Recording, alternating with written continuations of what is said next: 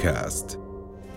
موجز الأخبار من رؤيا بودكاست. أدى جلالة الملك عبد الله الثاني وسمو الأمير الحسين بن عبد الله الثاني ولي العهد صلاة الجمعة الأولى من شهر رمضان المبارك في مسجد الحرس الملكي في العقبة. واستمع المصلون إلى خطبة الجمعة التي ألقاها النقيب الإمام مؤيد الخالدي وتناول فيها فضائل فريضة الصيام وأثرها في تحقيق التقوى التي جعلها الله تعالى غاية الصيام والغاية القصوى من الطاعات فضلا عن أهمية المسارعة بإخراج الزكاة والصدقات في شهر الرحمات. وفي القدس المحتلة توافد عشرات الآلاف من الفلسطينيين إلى المسجد الأقصى المبارك لأداء صلاة الجمعة الأولى في شهر رمضان المبارك رغم عراقيل قوات الاحتلال التي أغلقت العديد من الشوارع الرئيسية في القدس عبر الحواجز الحديدية ولم تسمح بمرور المركبات والحافلات العامة. عملية نوعية جديدة تزيد من حالة الارتباك في أوساط كيان الاحتلال الإسرائيلي. ابن جنين الشهيد راعد حازم تمكن من قتل ثلاثة مستوطنين وإصابة أحد عشر آخرين وسط تل أبيب. قبل أن ينتقل إلى يافا التي استشهد بعد خروجه من مسجدها إثر اشتباكات ومطاردات لساعات. وفي الشأن المحلي جولات تفتيشية ومخالفات وحملة رقابية مشددة على الأسواق. هذه الجهود المكثفة التي باشرتها الحكومة لم تجدي حتى الآن في تخفيض الأسعار وكبح موجة الغلاء.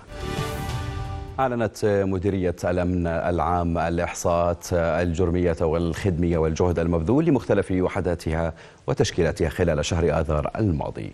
وفي التفاصيل ففي المحور الجرمي تم التعامل خلال شهر آذار مع 463 قضية جنائية منها ثمان قضايا قتل بنسبة اكتشاف 100% كما تم التعامل مع 1771 قضية جنحوية منها 600 وقضيتان من قضايا السرقة بنسبة اكتشاف وصلت إلى 88% و256 قضية احتيال و53 سرقة لمركبات معظمها تحولت للقضاء. وفيما يتعلق بالاتجار والترويج الداخلي والتهريب للمخدرات تم التعامل مع 1743 قضية منها 533 قضية لترويج واتجار ألقي القبض خلالها على 809 أو 99 مروجا وتاجرا منهم 172 شخصا غير أردنية.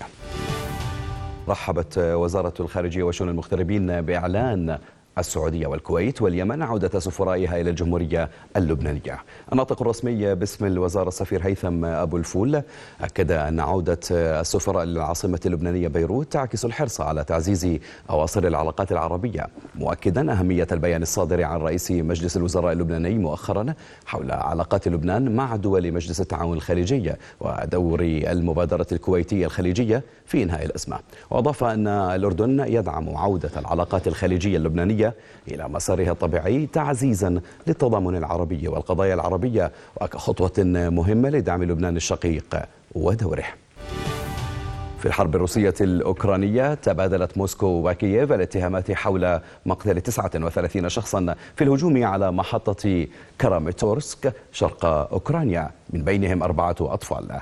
وأيضا السلطات الأوكرانية قالت إن القوات الروسية قصفت بصاروخين محطة للقطارات في مدينة كراماتورسك شرق أوكرانيا تستخدم أو تستخدم في عمليات إجلاء مدنيين حيث كان مئات الأشخاص يستعدون للصعود إلى قطار لمغادرة المدينة.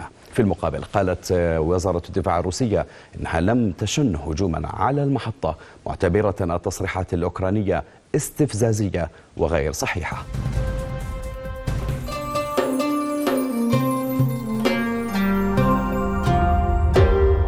رؤيا بودكاست